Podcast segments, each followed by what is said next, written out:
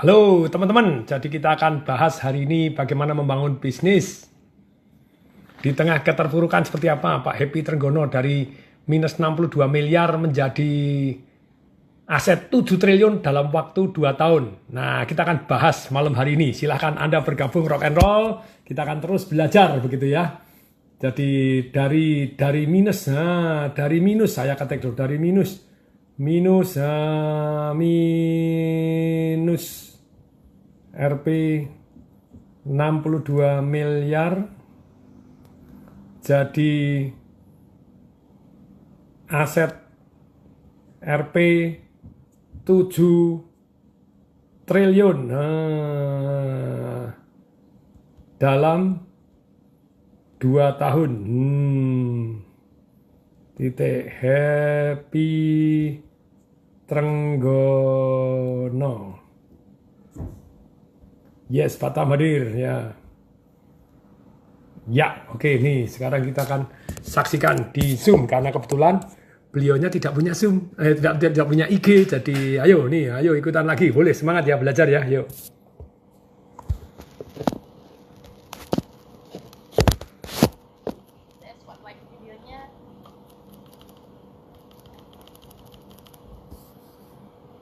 Yes. Halo Pak Happy. Halo Pak Happy. Selamat malam Pak. Wah, seneng seneng sekali. Tambah seger, tambah buger, tambah semangat, tambah dahsyat. Top Marco Top Jos Marco Jos ini. Wah. Yes. Pak Tung juga tambah muda aja sesudah kena COVID kemarin. Iya, jadi apakah harus kena COVID baru tambah muda? Tobat itu. Janganlah, jangan kena COVID. Keren, keren. Semangatnya keren, Pak. Wah, itu terima kasih atas doanya, Pak Happy. Wah, doanya.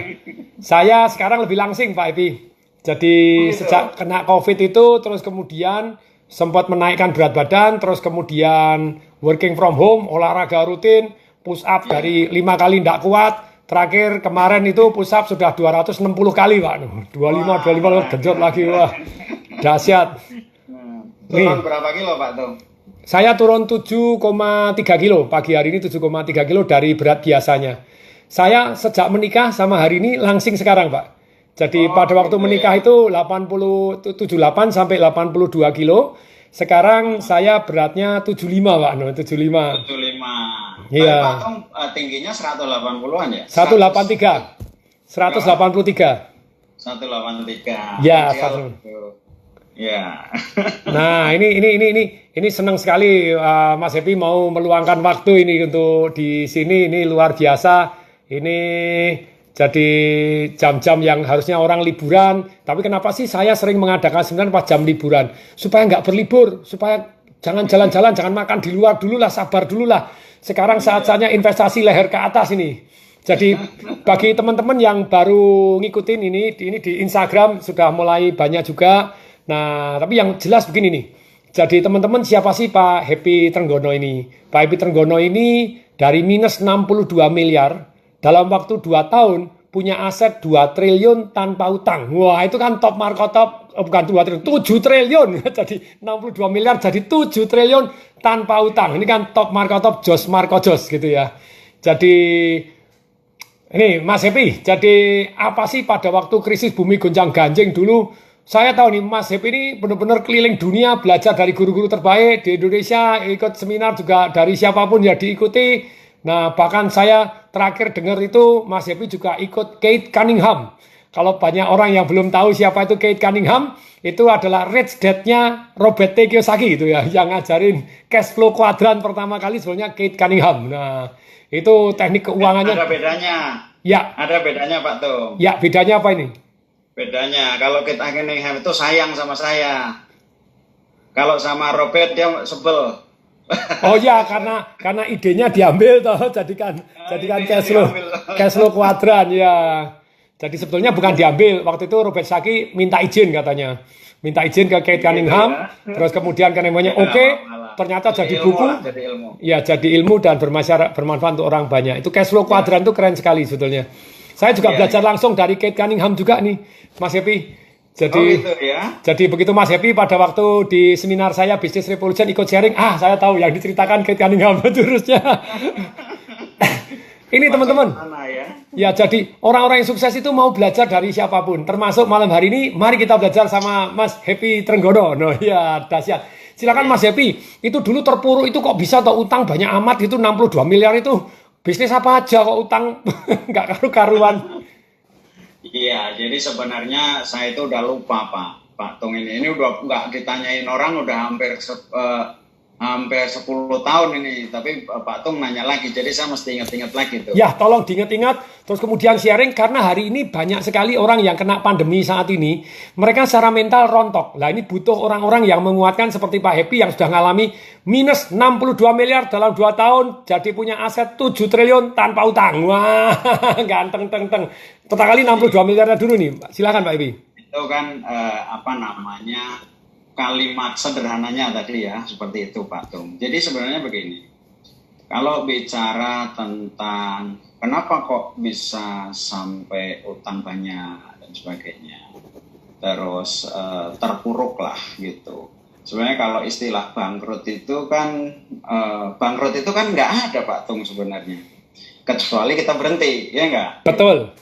Ya, kalau eh, kalau belum berhenti itu nggak ada kesimpulannya itu, gitu kan. Jadi eh, eh, seperti itu. Jadi sebenarnya apa namanya saya kan ap- eh, lama itu sebagai profesional. Sama seperti Pak Tung kan dulu profesional di PCA gitu kan. Saya juga profesional dan saya memulai usaha itu eh, apa eh, se- eh, dua tahun sebelum saya keluar dari eh, jabatan saya dulu sebagai eksekutif di eh, sebuah televisi nasional ya di eh, di Indonesia. Nah, em, kita tahu kan sebenarnya orang eh, sulit gitu. Orang eh, kalau dibilang itu eh, jatuh itu kan sebenarnya tidak terjadi dalam satu hari gitu. Jadi kayak orang kayak orang kalau mau jatuh pingsan eh, kan udah meriang-meriang dulu gitu kan. Gitu muntah-muntah dulu. Cuman kita ini kan ignorant pak gitu kan. Nah, kita eh, kita masih sok tahu aja gitu kan. Gitu. jadi eh, makin lama utang makin banyak dan sebagainya dan eh, move-move kita apa yang kita ngomong. Dulu itu kalau awal-awal ini kan kita ngomong jadi kita ngomong jadi lama-lama eh, kata-kata ini nggak tajam lagi pak Tung gitu ya kan? Pak, ngomong nggak jadi? Ngomong nggak jadi gitu. Nah nampaknya tim kita juga eh, udah mulai demotivasi pada saat itu ya itulah gitu. Nah eh, kemudian mungkin kalau dibilang eh, bangkrut tidak tetapi kalau saya tutup bisnisnya iya saya tutup. Jadi saya eh, saya ngelihat eh, salah satu exit strategi saya saya nggak mungkin saya teruskan itu bisnis. Dan saya ingat pada saat itu ketika saya tutup itu justru sebetulnya saya dalam keadaan yang sangat siap gitu. Kalau tadinya ignorannya itu udah selama setahun lebih gitu. Lebih dari setahun. Nah dulu kan saya kontraktor Pak Tung. Nah jadi kontraktor itu apa namanya waktu itu eh, solar itu kan berubah terus harga ya. Solar berubah gitu. Ketika solar berubah harga kita kontrak kan kita belum berubah dan eh, eh, akhirnya tapi kan harus dikerjain terus ininya. Apa namanya eh, kalau enggak dikerjain itu saya nggak bisa nggak gaji orang dan susah sambil negosiasi kontrak. Begitu kontrak itu direvisi sama pemilik proyek solar naik lagi. Wah wah udah gitu macam-macam lah gitu ya emang udah saatnya sih gitu. Nah tapi terus kemudian setahun kemudian itu saya tutup.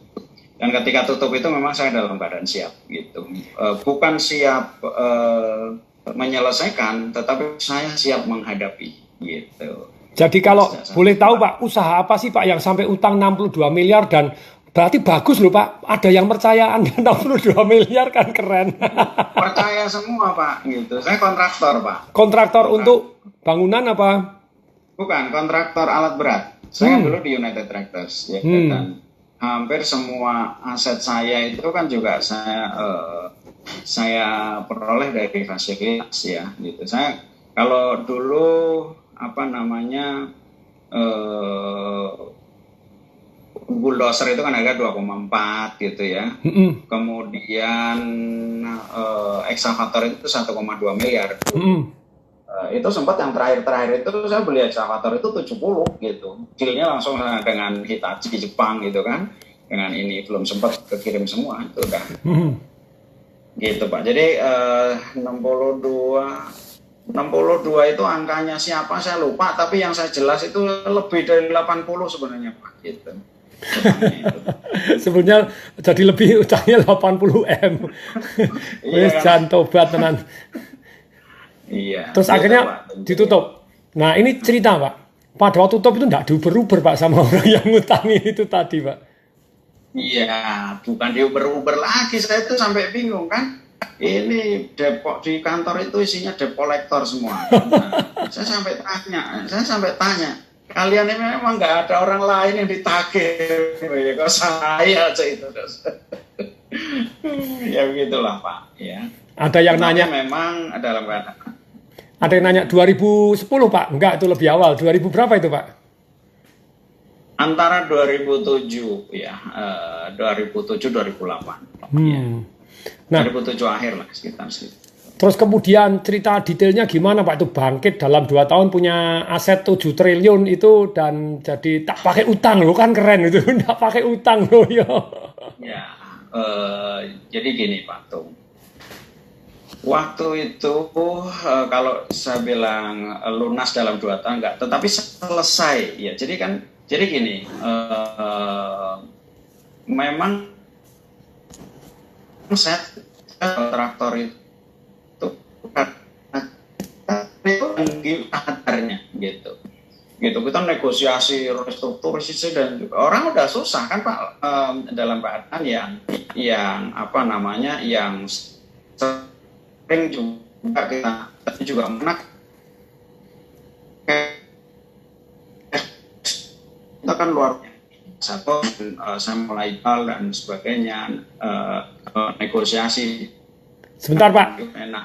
Ini- itu eh, ada di industri industri sawit gitu. Nah eh, akhirnya ya apa namanya pikiran kita ini kan gimana? Kan saya saya tuh biasa ngerjain kebun gitu punya orang gitu. Dan ngelihat dari mulai dari mulai nggak ada dari hutan jadi kebun ngasilin duit itu saya lihat gitu loh dan cuman begitu gitu kan nah sedangkan saya kan banyak hubungan juga dengan bupati dengan ini nah akhirnya dari situlah kita masuk Eh, saya sebenarnya tahun 2004 itu pernah eh, eh, eh, pernah keliling tuh apa kemudian eh, nawar-nawarin ke in- investor gitu kan.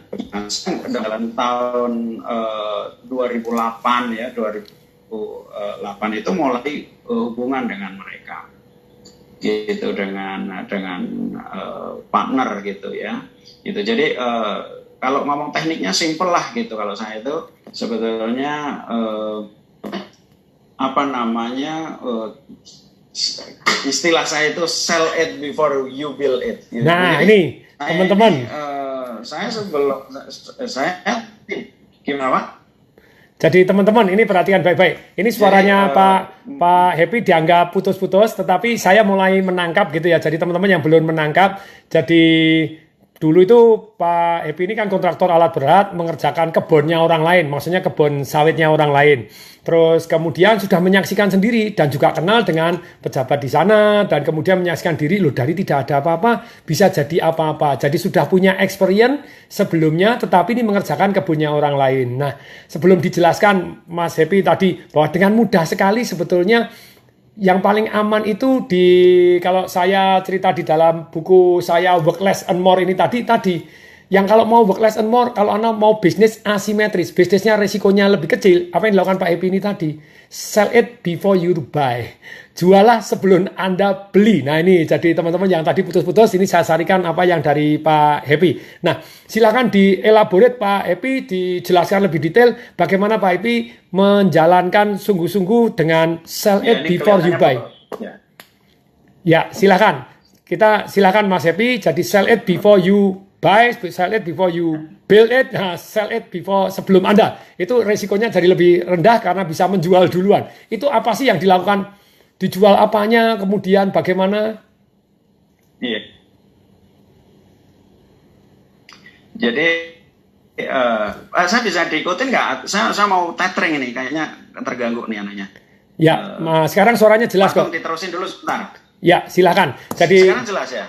Bagi saya jelas, tapi teman-teman tadi sempat sempat putus-putus. Jadi mungkin teman-teman video yang lain dimatikan terlebih dahulu, oke. Okay. Terus kemudian jadi biarkan streaming ke tempat anda lancar begitu ya. Jadi silakan, Pak Ebi.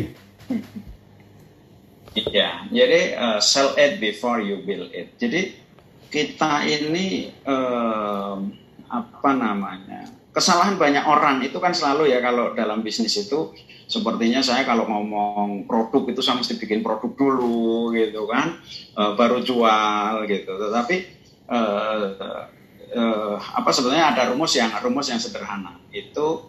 Jadi uh, buatlah sesuatu yang kau bisa jual gitu bukan menjual sesuatu yang kita bisa buat kira-kira seperti itu nah dalam praktek uh, sawit itu uh, saya sebenarnya kan karena saya bergaul dengan dengan mereka tetapi sebagai invest uh, sebagai kontraktor ya pada saat itu. Jadi uh, saya terbiasa ngelihat kebun gitu kan dan uh, dengan bekal gambar lah gitu uh, Pak saya kita kita minta apa namanya uh, waktu itu eh, awal-awal itu kan uh, ini ya apa namanya uh, lahan itu masih luar biasa banyak. Jadi kita itu ngeplot itu gampang gitu. Modal peta gambar gitu. Nah, saya cerita gitu. Saya saya rumusnya sederhana. Pokoknya kalau di situ ada pabrik gitu pasti udah visibility tadi itu mereka. Kalau udah bun saya tinggal nyari sebelah sebelahnya yang kosong gitu loh kan. Nah, lahan-lahan kosong sebelahnya itu kita gambar lah gitu ya kan. 20 ribu hektar, 10 ribu hektar. Nah itu yang kita jual itu. Uh, uh, itu, uh, itu selalu bertanya gitu. Kamu tertarik nggak kalau di sini? Ini uh, di sini ada kembang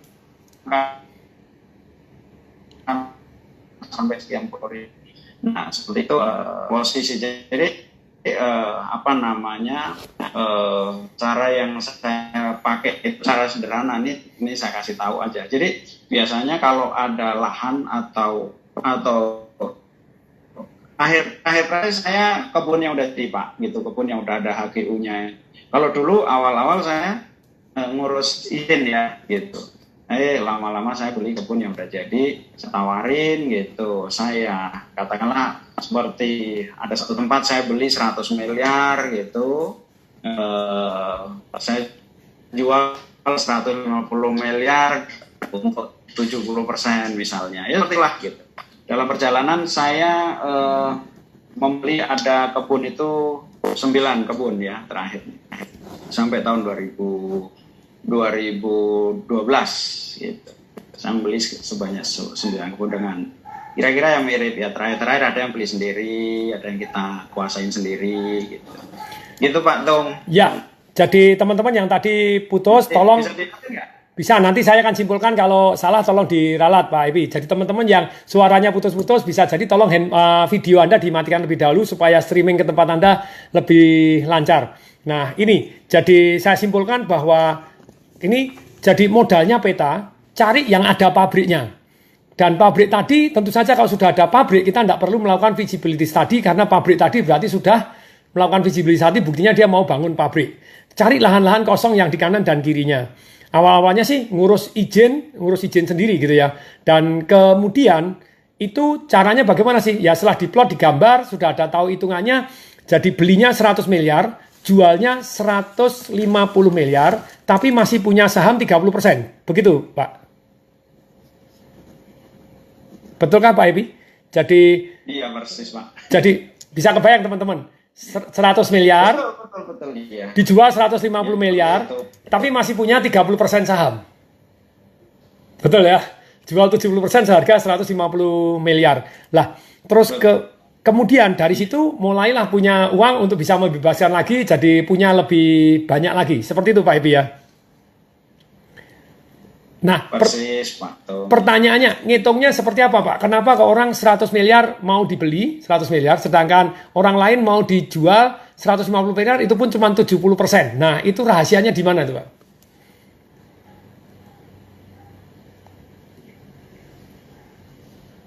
Jadi kan gini Pak Tung, di dalam hidup ini, di dalam itu posisi orang itu bermacam-macam gitu. Ada orang yang lagi punya kebun sawit masih buka baru udah ribut ya kan? Gitu. Eh, ada yang masalah manajemen ada segala dan dia ingin jual gitu. Nah, eh, saya kasih contoh yang 100 miliar itu, itu saya membayar eh, bu- bukan 100 miliar padahal itu yang case itu 115 miliar gitu. Jadi kebun itu udah mau dijual, kebun itu eh, 10.000 hektar ya. Dia udah tertanam 1.400, udah HGU, udah ada izinnya gitu kan. Eh, terus dia tawarin ke saya 125 gitu. Tapi 115 saya tawar langsung dikasih gitu. Nah, itu ada orang-orang seperti itu. Sementara banyak juga orang yang nyari kebun gitu kan. Eh, nyari kebun yang pingin invest gitu, eh, kebanyakan duit gitu atau memang pingin invest gitu. Eh, eh, yang dia punya hitungan sendiri. Jadi kalau eh, apa namanya? Kan ini proses jualan, Pak Tung. Iya kan, gitu. Barang yang sama kan bisa dijual eh, tergantung orangnya gitu. Kalau bisa jelasinnya bagus gitu kan, eh, sama sebetulnya jualan rumah sama jualan kebun ya sama Pak Tung. Gitu. Eh, Ini- gitu, gitu aja. Ini ini ini ini menarik teman-teman. Tadi siang itu saya baru wawancara Mas Rosan, Rosan Roslani, Kadin gitu ya. Jadi Iya. itu sama juga. Jadi nganalisa perusahaan, kemudian dijual dengan damainya kan begitu ya. Nah kalau itu malah sempat financing financing. Lah ini kalau Pak Epi ini lebih sakti lagi. Jadi pada waktu diiyain belum dibayar sudah dijual kepada orang lain. Betul ya begitu Pak Epi ya? Iya betul gitu. Tetapi posisi saya itu memang saya buyer ya di Ya. seller itu saya buyer. Orang percaya gitu ya kan. Nah eh, ada satu hal Pak Tung Hmm. tentang eh, apa namanya tentang eh, tadi kebun ya. Saya tidak pernah melakukan jual beli dengan pendekatan properti atau fisik nggak pernah saya Hmm. saya melakukan pendekatan dengan jual beli bisnis gitu. Itu barangkali bedanya. Sehingga eh, nah kalau bisnis ini eh, nilainya itu illiquid gitu. Jadi dia tidak eh, tidak apa namanya tidak ada yang tahu nilainya kecuali yang beli gitu. Jadi kalau yang beli itu yakin dia punya hitungan dia mau invest eh, bahkan bisa cepat banget. Contoh itu yang 115 miliar saya, saya bayar itu itu dia dia nawarin saya itu karena capek 125 padahal dia itu udah lima tahun mau jual itu 95 gitu. Jadi terakhir sudah lunas dia baru ngaku Pak Tung. Hmm. itu udah 95 nggak ada yang nggak ada yang mau. Tapi Pak Happy malah 115 mau gitu. Nah, sa- saya sebel aja saya bilang ya itulah saya mau buang 25 nggak tahu caranya saya kasih ente. Gitu. Jadi bisnis itu nilainya illiquid gitu kita ngomongnya cash flow ngomongnya tentang kalau kamu invest di sini begini begitu begitulah kira-kira pendekatan gitu kalau kalau properti ya tetap aja kan kalau kita taati juga harga sebetulnya kan eh, bisa berubah juga Ini luar tapi biasa. prinsipnya itu tidak ada yang rumit gitu. Iya, tidak ada yang rumit gitu. Jadi eh, sama sama jual beli yang lain, gitu. Ini ini menarik teman-teman. Jadi istilahnya kalau perhatikan teman-teman ya. Jadi mengatakan bahwa tidak ada yang rumit, simple-simple saja. Jadi betul-betul kalau saya ngomong begini Ma- Pak Ibi, apakah ada unsur luck atau enggak? Ah, ah, ini pertanyaan. Saya kasih tahu ini, Pak Tom. Kita ini sebenarnya ini, Pak Tom. Ya. Saya ini eh, sejak transaksi, saya sejak transaksi. Dulu jadi gini, ada ada perubahan pola sebetulnya. Hmm. Ketika saya pertama melakukan dengan yang terakhir-terakhir. Hmm. Makin lama kan makin belajar Pak Tuh, makin Ya. canggih Hmm. gitu ya.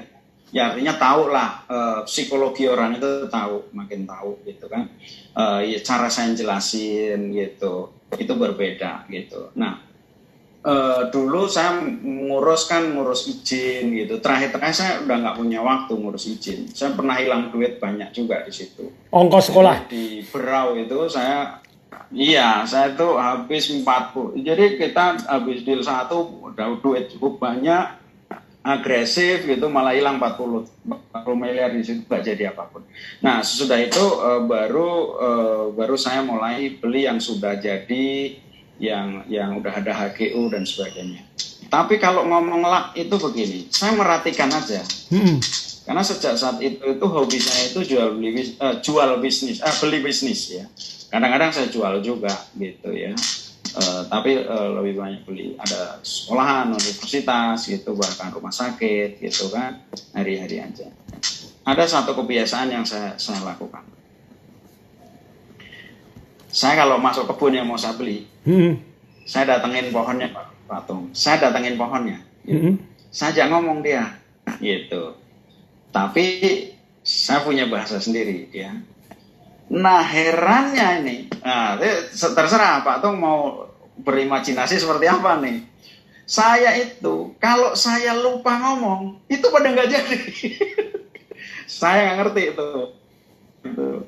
Ya ada juga yang ngomong nggak jadi mungkin dia nggak mau ya kan gitu. Tapi kalau saya lupa ngomong, aduh nggak jadi tuh apa karena perasaan gitu. Tapi Uh, saya meyakini bahwa sebenarnya pohon itu juga makhluk, ya kan? Gitu. Kalau saya tuh sayang Pak Pak Tung dengan pohon ya. Saya nggak cuma sawit dari ini gitu, uh, ada macam-macam lah ya. Kebun saya senang, gitu dan uh, saya senang ngomong sama pohon. Dan uh, saya tahu lah dia makhluk hidup juga gitu. Dia tahu juga kali kan diajak ngomong gitu, sehat-sehat gitu. Nah, wow. uh, menurut saya lak itu bisa diciptakan. Hmm. Gitu. Bagaimana caranya ketika kita memperlakukan uh, makhluk itu dengan baik, ya. Kemudian ketika kita uh, banyak melakukan kebaikan, gitu. Makanya uh, saya selalu berpesan sama anak-anak saya, gitu di mana pun, gitu berbuat baiklah, gitu. Karena dengan berbuat baik itu keberuntungan. Gitu. Sebenarnya gini, dengan berbuat baik, kemudahan itu akan menjadi milik. Gitu. Di mana pun itu. Gitu. Walaupun di Amerika, gitu. Oh, di Amerika ini kan tahu sendiri, oh, makan bayar sendiri-sendiri, gitu kan. Saya nggak bisa Pak Tom. Makan bayar sendiri-sendiri, gitu. Jadi oh, dulu kalau saya makan berdua, saya apa namanya bayarin. Orang masih curiga, wah ini jangan-jangan nanti kalau udah kalau banyak giliran kita nih. Gitu. Dia pikir mungkin ya kan. Besok saya bayarin lagi. Uh, 20 orang saya bayarin. 100 orang saya bayarin. Itu orang Amerika tuh bingung. Gitu nah dia tanya gitu oh, Pak Emi kenapa kamu selalu begitu gitu. nah saya, saya bilang saya dalam agama saya yang namanya memberi itu artinya nerima gitu. Kita itu nggak berkurang.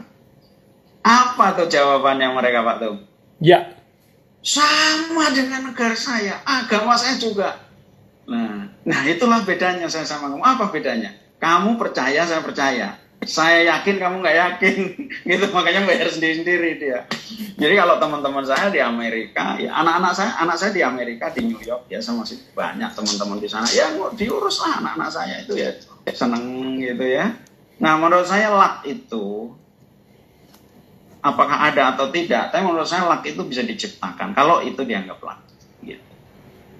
Ini yang menarik teman-teman jadi saya dari dulu juga hobinya neraktir gitu ya jadi Nraktir itu ternyata ya dapat kemudahan, dapat banyak. Terus saya juga seneng sama pohon gitu ya. Saya lari di sini ada pohon besar, saya pegang wah kamu hebat ya pohon besar. Ini ada kesamaan ini. Ngomong sama pohon ini ya. Kita satu grup dong berarti Pak. Grup penyayang pohon. Saya punya punya proyek uh, Mas Evi di di Bali itu yang namanya Dancing Garden. Itu pada waktu itu kan bukit-bukit. Terus kemudian di tengahnya itu ada jati 40 tahun gede banget tuh lingkarnya satu meter gede hebat banget ini. Terus kemudian oke, okay, kita tidak potong sama sekali. Padahal jati kalau dipotong kan dapat duit loh gitu ya. Ini nggak dipotong. Kita desain melingkar, kita desain melingkar jadi supaya di tengahnya jadi wah ada pohon yang keren mau di, dihindarin. Begitu sudah selesai kan itu masih di hutan. Sudah deal, sudah dibayar, berapa berapa hari kemudian dipotong sama orang. Jadi, lu nih anu pohon jati di tanah saya padahal enggak di tempat kita. Jadi itu padahal sudah kita desainnya sudah jadi, sudah diputerin, sudah di di ini saya termasuk pencinta pohon. Pak Diki asisten saya tahu tuh, saya beli properti apa gitu, saya bangun pohonnya tetap dulu kalau bisa dihindarin. Oh, mereka tumbuh bertahun-tahun. Iya, luar biasa. Cuman mereka itu hidup Pak. Jadi iya. kalau uh, sawit itu Sawit itu kalau di rawa-rawa itu ya, dia tuh hmm. kadang-kadang ambruk. Ambruk itu kan begini Pak Tung, gitu kan, rebah. Tetapi dia tuh bangun gitu loh. Jadi sudah ambruk, dia nanti tumbuhnya itu melengkung ke atas gitu. Tetap gitu. Itu menurut saya ajaib ya, luar. Saya kadang-kadang merinding gitu.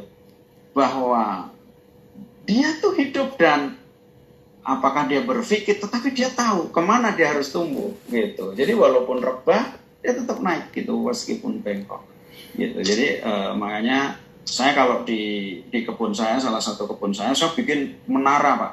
Tinggi gitu.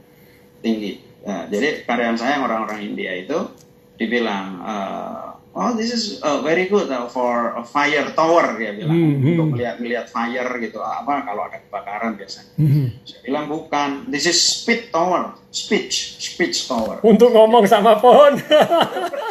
Kita mau pidato ini sama pohon-pohon ya kan? Gitu tapi itu yang indah loh. Ternyata memang ada penelitian bahwa pohon-pohon itu diajak ngomong lebih lebih subur daripada yang dimarahin gitu ya. Disetelin lagu iya, iya. rock jadi lebih ancur, disetelin lagu-lagu agama jadi bisa tumbuh lebih subur. Persis gitu. Uh, dan mereka luar biasa lah ya gitu kalau uh, sama seperti karyawan mereka kan menghasilkan sesuatu juga sama kita masa kita nggak terima kasih ya kan ya kita kalau karyawan kan gathering juga gitu. Kita kasih selamat. Ya kita gathering lah gitu. Dengan para pohon-pohon itu ya kan? Gitu Pak Tung. Jadi ya. uh, ini Pak kalau kalau boleh belajar Pak, jadi pertama kali pelajaran dari yang zaman dulu kan bukan bangkrut, tetapi ada pelajaran yang diambil. Bisa utang, utang, utang, utang, tambah banyak, tambah banyak, tambah banyak, terus kemudian tidak bisa bayar, terus sempat, sempat, waduh, datengin debt collector begitu banyaknya sampai debt collectornya sistemnya pasang tenda ya di depan tempatnya rumahnya ditagih terus. Nah, kalau boleh misalnya ngulangi supaya itu tidak terjadi dari bisnis yang lama, apa yang harus dilakukan? kontrol keuangannya atau karyawannya nah, harus cari begini, yang bisa dipercaya? Begini. Silakan. Nah, ini pertanyaan menarik. Pertanyaan menarik. Begini. Saya mengenal sebuah keluarga, Pak Tom. Mm -hmm. Sebuah keluarga. Uh, jadi sebetulnya uh, yang mengenal dekat itu teman saya. Tetapi karena begitu inspiringnya gitu, saya merasa saya mengenal secara langsung. Ya. Sebuah keluarga di Inggris, ya, sebuah keluarga di Inggris. Dia keluarga yang sangat kaya, dan dia itu uh, lagi ingin masuk ke Indonesia. Lagi ingin masuk ke Indonesia, kenapa? Karena dia perkirakan uh, ini keluarga ini keluarga kaya, jadi yang disebut keluarga itu udah ada 700 uh, eh, pasangan yang kaya raya luar biasa. Dan mereka itu kaya udah 400 tahun gitu. Dan sekarang berpikir mau masuk Indonesia.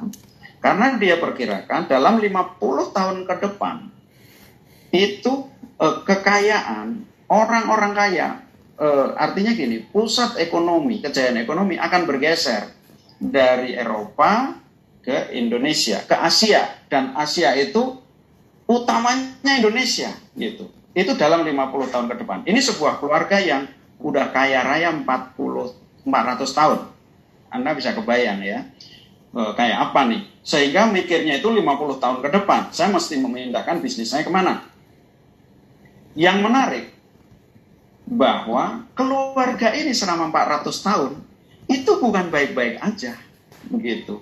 Jadi dia itu pernah luar biasa, pernah hancur, luar biasa lagi, hancur lagi. Dan itu udah menjadi sebuah sebuah siklus yang dia sadarin gitu, maka dia antisipasi. Tetapi seantisipasinya dia itu ya kehabisan juga. Tetapi uh, dia uh, bangkit lagi. Nah, begini yang saya ingin sampaikan bahwa along the way kita ke depan kita itu nggak bisa menghindari masalah Pak. Gitu. Saya mungkin nggak pernah cerita, tetapi 2012 saya kehilangan 200 miliar. Gitu.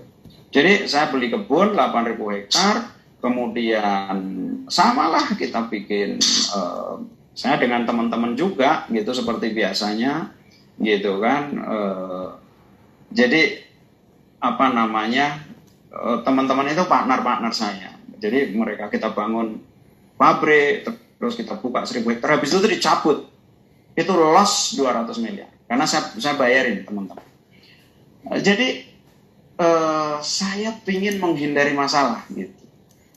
Tapi in somehow gitu ya, masalah itu masalah itu ada gitu dan terjadi gitu. Nah, makanya saya kalau saya boleh boleh eh, apa namanya berpesan gitu. Jadi kita ini kerjaan kita itu bukan untuk menghindari masalah justru. Hmm. Tetapi bagaimana kita itu meyakinkan diri kita setiap masalah yang terjadi kita selalu terbang di atas masalah itu. Gitu. Selalu kita bisa terbang di mata di atas masalah itu. Kenapa? Karena sesungguhnya kualitas manusia itu kan diukur dari seberapa besar masalah yang mampu dia handle gitu. Ya, contohlah orang udah jadi bupati, mau jadi gubernur kan dia lebih hebat.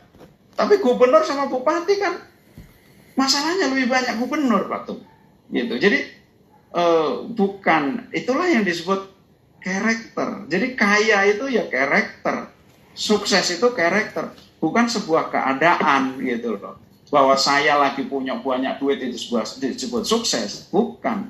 Tetapi tetapi saya sukses itu orang itu sukses karena dia itu bisa handle gitu. Apa pun yang terjadi gitu. Bahwa pengusaha apakah selalu pengusaha itu harus punya duit terus gitu? Ya kadang-kadang salah hitung juga Pak Tung. Ilmu udah kita pelajarin semua gitu kan kita taruh di bank, banknya bisa bangkrut kok, gitu ya kan. Jadi eh, bukan itu masalahnya. Pengusaha nggak punya duit, biasa aja kali. Negara aja bisa nggak punya duit, Pak. Iya nggak? Bisa utang. Banyak. how you respond the situation, gitu gitu. Jadi uh, tentang utang bahwa Pak Happy nggak punya utang itu berlebihan juga itu saya nggak tahu siapa yang nulis Pak. saya, saya nggak ada. Gini karena kalau pengusaha mau gede nggak punya utang itu almost impossible. Mm -hmm. Lah gimana Pak? Bapak uh, kita punya restoran. Dulu kalau satu masih bisa beli beras cash ini. Lah kalau udah seribu restoran, masa kita bisa bayar tiga bulan kita harus bayar lunas di depan ya kan? Gitu. Jadi uh, jadi hidup itu is about all about the capacity gitu. Kapasitas. Kapasitas karakter mentalitas mindset itu itu berteman itu semua. Nah itu kan Pak Tung itu jagonya yang bisa jelasin. Ini itu Pak Tung. Jadi kaya itu bukan keadaan. Kaya itu adalah sebuah uh, karakter. Kaya itu bukan harta. Kaya itu uh, adalah sebuah keputusan gitu. Keputusan kita untuk bertanggung jawab ya. Jadi kalau contoh saya yang hal kecil gitu. Kalau di rumah aja anak minta sekolah kita udah ngamuk-ngamuk istri minta duit malah ditanya duit yang kemarin ke mana? Ah itu belum memutuskan orang jadi orang kaya itu. Gitu ya kan? Kalau memutuskan jadi orang kaya oke tenang ya gitu. Ntar gue cari duit yang banyak. Gitu keren. Duit duit nggak ada ini terbuka jadinya pikiran hmm. iya nggak Pak Jangan sibuk ngeyel karena Anda tidak punya duit, tapi sibuklah semangat bahwa saya bakal punya duit banyak. Kasih kesempatan dulu, sabar gitu. Gitu ya. Jadi kita berprasangka baik pada Tuhan. Gitu. Dan kalau mikirnya terang, duit itu gampang. Duit sama lebih enak lah, Pak. Jadi, Pak, Ya, jualan itu sambil kita keringetan sambil meyakinkan orang itu susah. Betul. Nah, terus?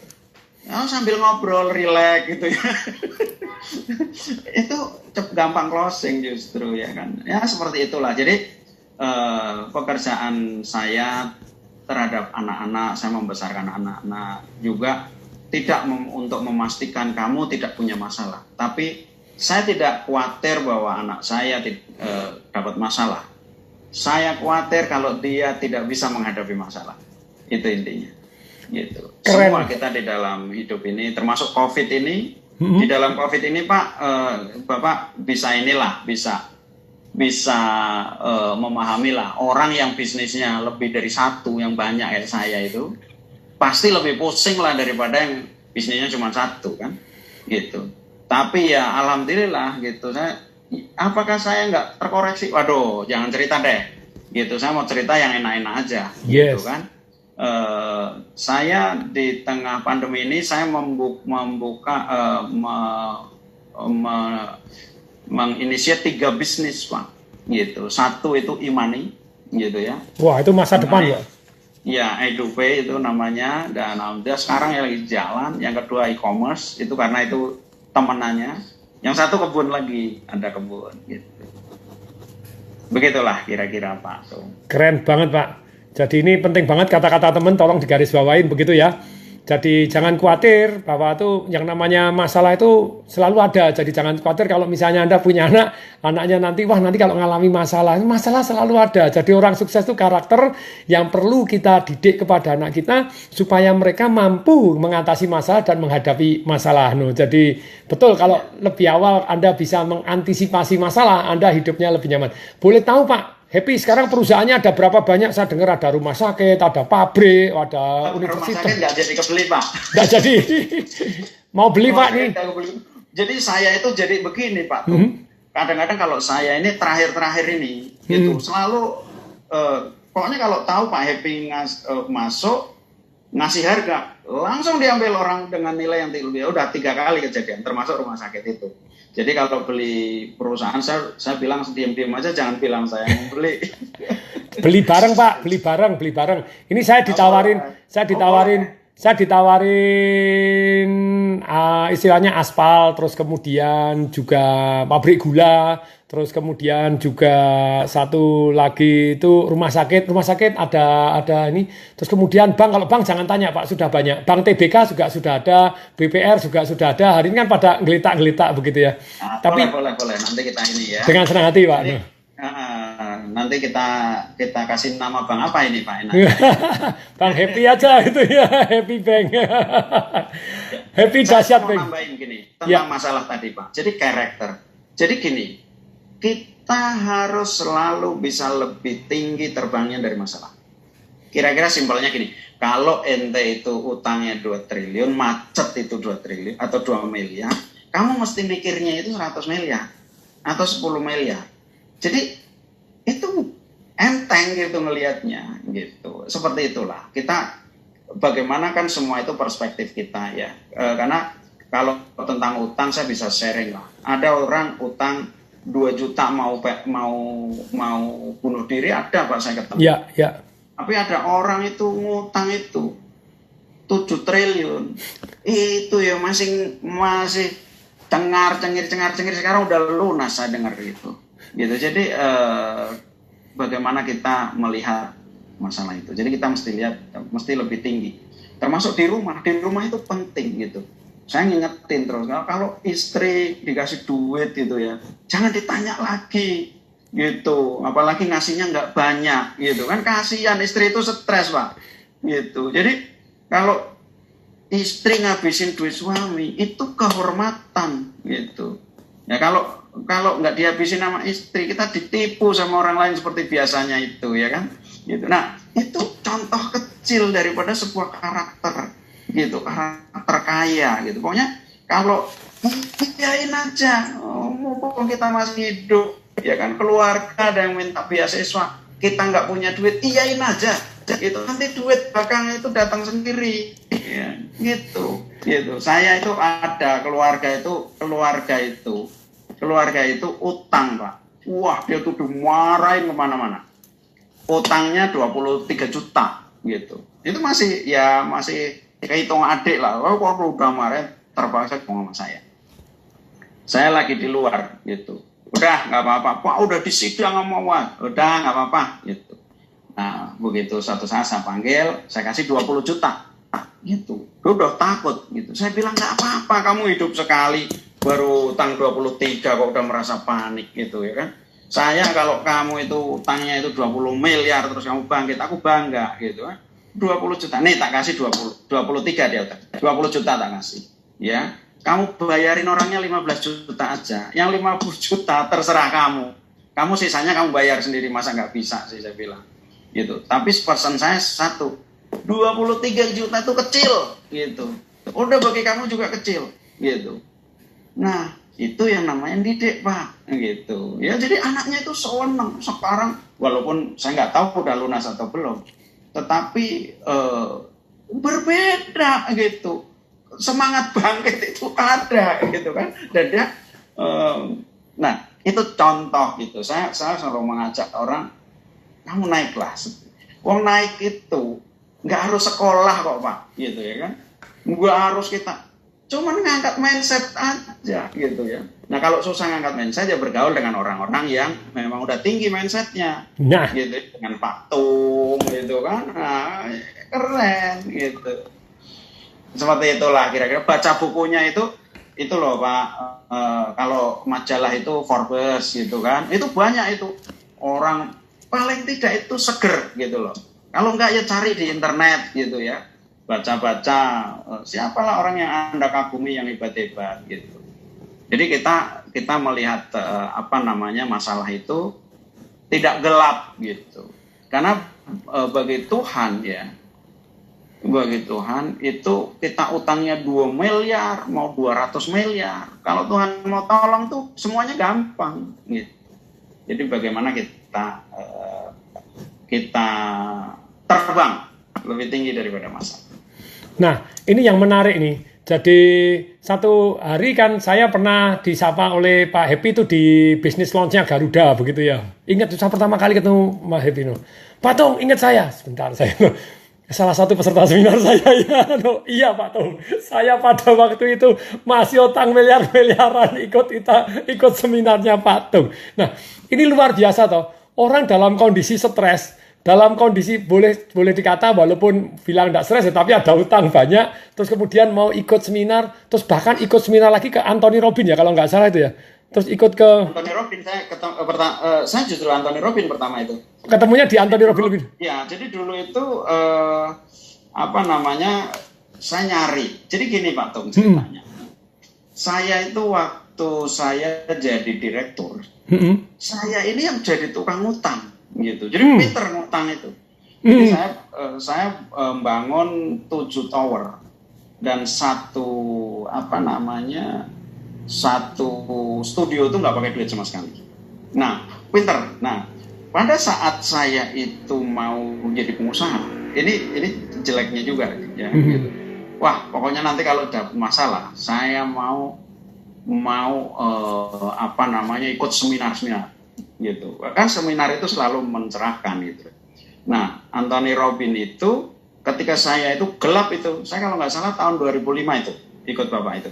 Hmm ya jadi waktu saya searching eh, kemudian kalau nggak salah sekretaris saya eh, sekretaris saya itu telepon itu si Anthony Robin itu adanya di November tapi di London kalau nggak salah kalau nggak salah ya. Hmm, eh ternyata ada di Indonesia dia kasih tahu gitu. Hmm. makanya eh, ikut waktu itu. Wow di Kemayoran ya kalau nggak salah. Ya, di Kemayoran.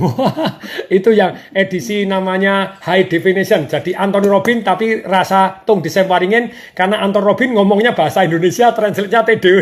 Jadi saya rekaman dulu tuh ke Chicago, rekaman dulu selama lima hari direkam dulu jadi wajahnya Anthony Robin, suaranya tung disemparingin. Seru banget. Dan itu saya lihat Pak Tung cuma nekat aja bahasa Inggrisnya juga kadang-kadang saya tahu ini terjemahannya terlalu bebas ini. Akhirnya ada yang tahu. Saya pikir ada yang tidak tahu. Free translation. Seru sekali betul. Wah. Iya.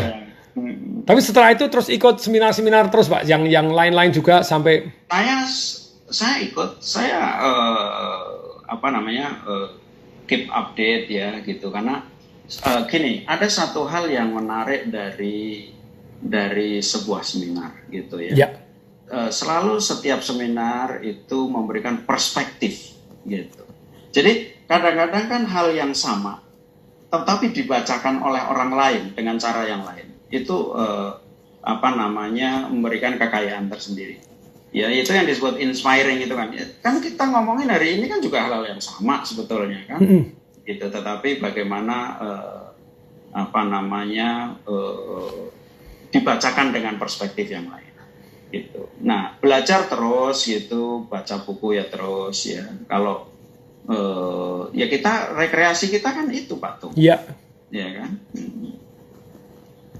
Nah, sekarang ini sebelum saya saya sharing juga nih. Jadi saya mau nanya nih, masih saya kalau ngobrol tuh seneng sekali gitu ya, sampai malam, sampai apa gitu. Nah, Mas Happy, jadi punya perusahaan banyak, itu akan selalu terkait dengan mempekerjakan orang lain.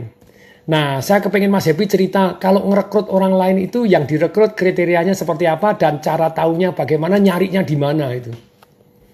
Oke.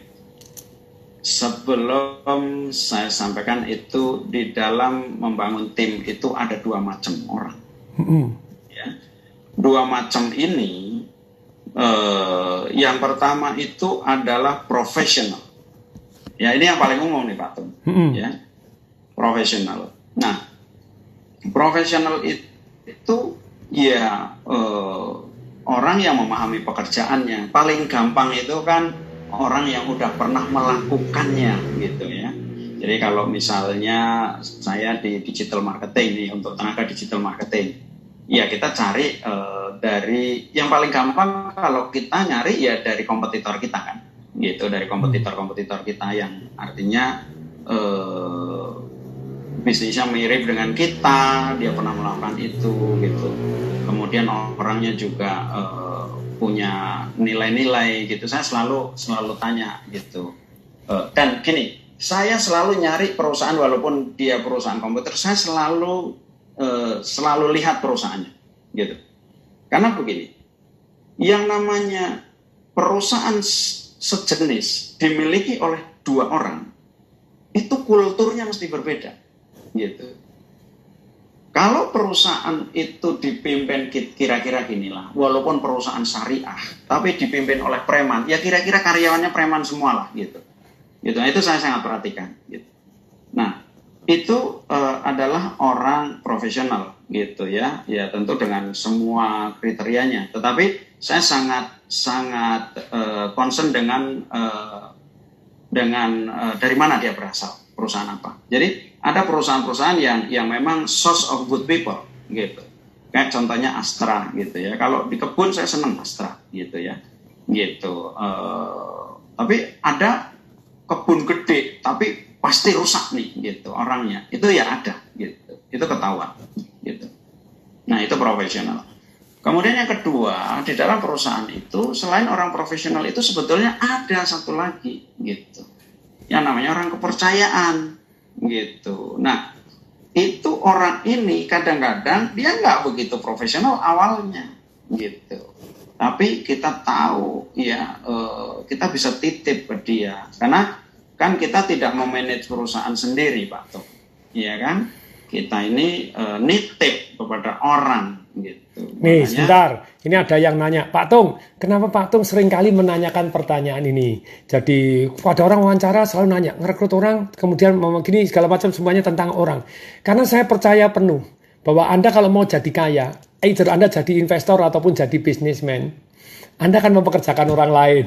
Anda jadi eksekutif top, jadi gajinya gede, dapat kompensasi yang besar, dapat saham, dapat employee stock option gitu ya, tetap aja Anda akan mempekerjakan orang lain. Nah dari sini kita mulai belajar sungguh-sungguh kalau Anda mau sukses kaya itu tidak bisa kerja sendiri, tapi Anda harus punya tim mempekerjakan orang lain.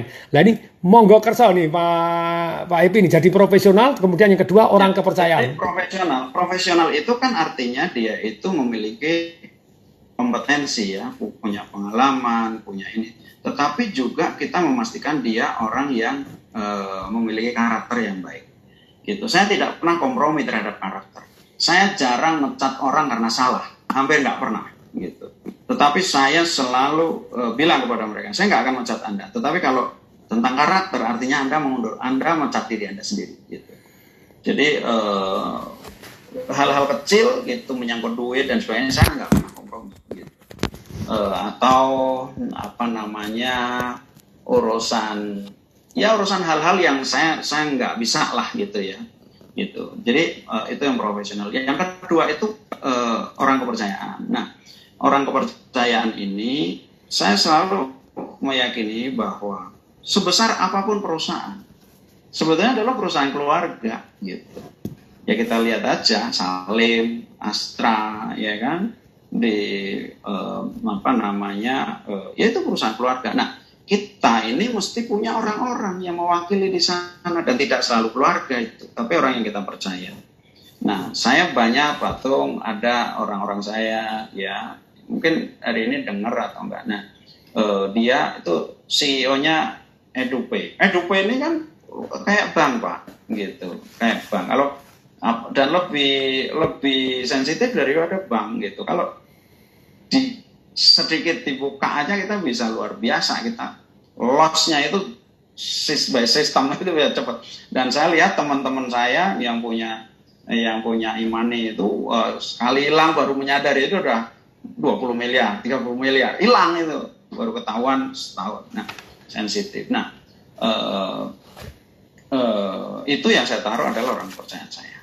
Di bawahnya dia profesional semua. Nah orang percaya itu uh, banyak yang saya didik gitu. Artinya saya rekrut ikut saya jadi asisten saya. Hidup bersama saya lama saya ketemu bahkan udah sama seperti keluarga gitu. Ya itulah yang pekat dan saya lihat teman teman-teman juga pada begitu. Hmm. nah kalau anda percaya sama dia gitu ya kita mesti paham juga. Dia ya tidak sepengalaman yang lain lah gitu ya kan ini namanya juga kepercayaan. Gitu Pak Tung. Nah, kalau dari sekarang, jadi misalnya tadi kan karakter. Bagaimana kita bisa ngetes karakter orang pada waktu wawancara, Pak? Karakternya seperti apa? Kalau tadi yang satu saya tangkap adalah harus bisa dipercaya. Kamu urusan duit sedikit pun, mohon maaf, mohon Anda memecat diri Anda sendiri lah gitu ya. Itu dari awal sudah jelas sekali. Silahkan Pak. Jadi karakter iya. apa saja dan ngetesnya gimana supaya kita dapat orang-orang yang berkarakter seperti itu? Oke. Jadi uh, dalam banyak hal begini, dalam hal makanya kita melitukan dari berbagai aspek ya. Yang satu itu sumbernya dari mana? Dia gitu. Itu membantu, tidak menjamin tapi membantu. Satu gitu. asal usulnya ya, tadi ya. contohnya ya. kalau ya asal usul gitu, asal usulnya itu itu cukup membantu gitu. Saya nggak tahu berapa persen tapi sangatlah gitu signifikan. Nah, yang kedua, ketika interview gitu, saya kalau menginterview orang, saya ngelibatin, uh, saya ngelibatin anak saya. Anak saya itu fresh ya, dia lulusan Amerika, dulu kerja setahun di di perusahaannya Warren Buffett gitu. Uh, nah, dia uh, dia dia kan walaupun dia ini, tapi dia kan sebetulnya masih fresh juga gitu, masih pakai emotion dan sebagainya ya. Uh, banyak orang yang gugur di, di dia itu hanya karena misalnya gini. Kalau sama saya orang kan susah pak, mesti sopan, mesti ini, mesti itu ya kan. Gitu. Tapi begitu dilihat yang menginterview ah, anak-anak nih gitu. Kadang-kadang itu aslinya keluar tuh orang gitu ya. Jadi dari hal-hal kecil ya, kalau saya misalnya uh, dia kalau muslim gitu, apakah sholat apa enggak gitu kita perhatikan gitu ya ketika dia menunggu gitu dan sebagainya Uh, nah, tetapi dalam banyak hal karakter itu hanya bisa diuji, tidak bisa diketahui di depan. Hmm. Gitu. Caranya nguji pak? Nah, dalam perjalanan pak, maksudnya mm -hmm. ketika dia itu menghadapi persoalan, gitu kan, orang kan banyak Indonesia gitu pak. Orang bagus kehilangan karakter begitu jadi pejabat ya. Waduh itu lupa juga gitu kan. Nah itu ujian. Karakter itu karakter itu tidak disertifikasi gitu. Jadi karakter itu diuji sepanjang masa gitu. Mungkin dalam satu titik dia bisa lolos. Tetapi ujian yang sama di masa yang datang dia tidak lolos karena situasi pribadinya itu tidak mendukung gitu. Jadi uh, uh, ya harus dijaga dan diuji gitu. Kita bisa mengeliminasi me, apa namanya kemungkinan kita ketemu orang yang salah.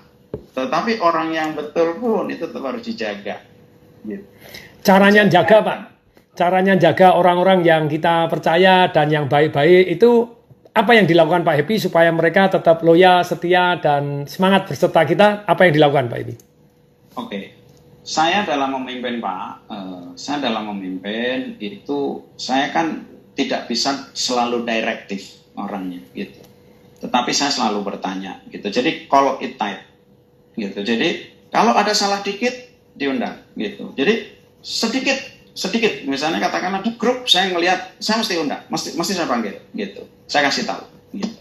jadi tetap uh, apa namanya tetap uh, mengingatkan bahwa uh, ini penting loh. Misalnya tentang tentang kejujuran gitu ya.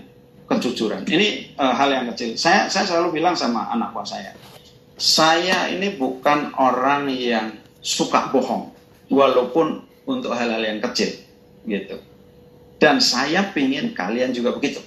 Gitu. Kadang-kadang gitu. Kadang-kadang ini libur nih empat hari. Ini Senin ada yang nggak masuk. Ya telepon, uh, telepon sekretaris saya. Ini direktur nih. Oh sakit gitu. Sakit gitu. Uh, atau oh begini, oh begitu. Itu mesti saya panggil. saya panggil. Saya panggil, saya ajak ngomong, Uh, dan dia bisa sakit benar bisa enggak gitu. Tapi ketika saja saya ngomong itu kan kelihatan juga sebenarnya pak. Dan saya selalu ingetin